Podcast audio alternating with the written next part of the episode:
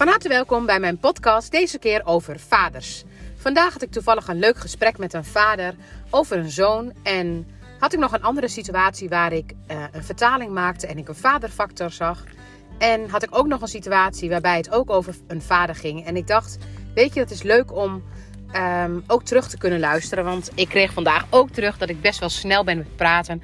Dat ik snel linkjes leg en dat sommige mensen mij dan um, niet altijd even goed begrijpen. Dus mocht dat niet zo zijn, geef het alsjeblieft door. Want um, zelf als je terugluistert, dan uh, hoor je het niet zo goed. Dan vind je eerder misschien dat je een beetje een saai verhaal vertelt.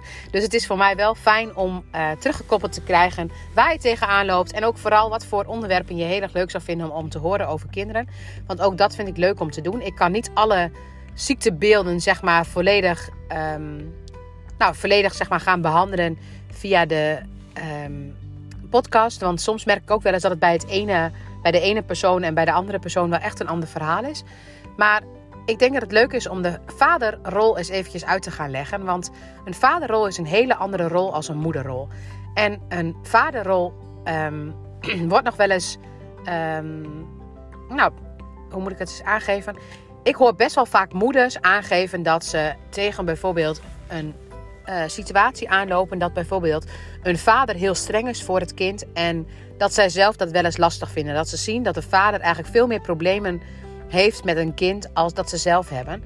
En soms is dat vast ook echt zo. Alleen soms gaat het er ook over. En ik denk dat daar, dat, um, dat, dat wel een leuke eye-opener is.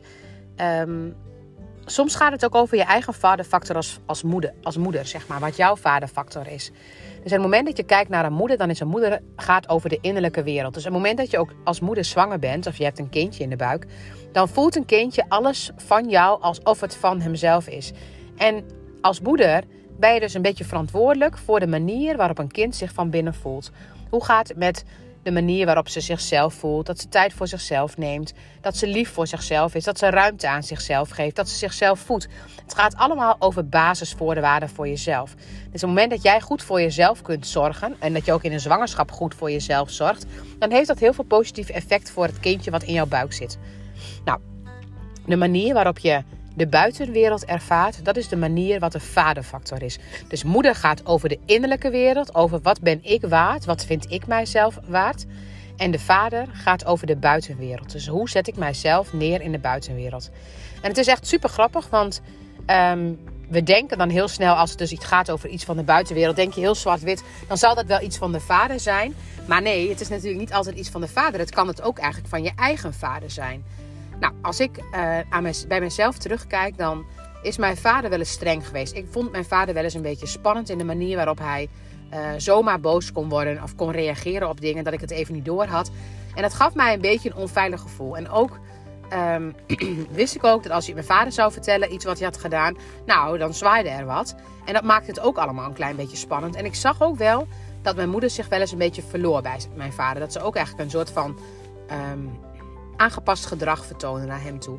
Dus ik heb ook altijd geleerd door naar mijn moeder te kijken hoe mijn moeder het deed. En door te kijken naar mijn vader, dat je je eigenlijk moest aanpassen naar de buitenwereld. En dat de buitenwereld soms best wel eens spannend uit de hoek kan komen. Dus dat je altijd in een bepaalde alertheid moet zijn. Wat is dus de manier waarop ik mijzelf voortbeweeg in de buitenwereld? Dat is die manier. En dat is niet omdat mijn. Um, dat is niet omdat het altijd zo zou moeten zijn. Nee. Want het moment dat ik weet dat ik op zo'n moment kijk met mijn vaderogen, dan weet ik ook dat het helemaal niet nodig is. Maar dat dat een ervaring is die ik als kind heb. En een vader en de buitenwereld hebben dus een link met elkaar. En automatisch leg ik dus de bril van hoe ik naar mijn vader keek op, um, op de wereld die nu buiten mij is. Dus als ik naar een werksituatie ga of met iemand samenwerk, dan heb ik heel erg de neiging om net te doen alsof die persoon mijn vader is. En ik vind het dus ook al snel spannend. Ik wil mij snel aanpassen. Ik wil daar van alles voor doen. En ik wil eigenlijk niks liever dan dat die persoon tevreden is. Maar ja, het moment dat je um, dat doet omdat je een vader tevreden wil maken, dan, en het is dat is min of meer niet gelukt, ja, dan is dat natuurlijk altijd iets wat je steeds weer tegenkomt in je leven. nou, als je naar vaders kijkt, dan uh, had ik vandaag een vader en dit kindje heeft veel moeite op school, zeg maar. Die heeft veel moeite om zichzelf op school te laten zien.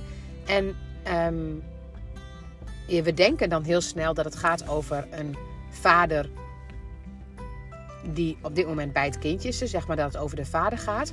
Maar in de meeste gevallen gaat het niet zozeer over de vader, maar gaat het vaak ook over de, de vader van de moeder. Want hoe gaat moeder met de buitenwereld om? Dat heeft een kind negen maanden in de buik ervaren.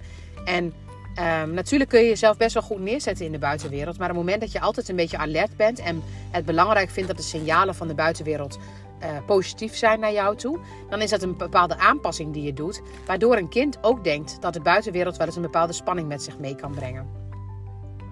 Een vaderfactor gaat dus over de manier waarop jij je beweegt in de buitenwereld en in hoeverre jij de ogen van de buitenwereld vergelijkt met de manier waarop je vader naar je keek. Dus op het moment dat jouw vader bijvoorbeeld helemaal niet geïnteresseerd was in wat jij die dag had gedaan, dan zul je altijd ervaren dat de buitenwereld echt niet heel erg geïnteresseerd is in jou is. En het kan best wel zijn dat je daar minder zelfvertrouwen door krijgt of onzekerder van wordt. nou, hoe los je dat dan op?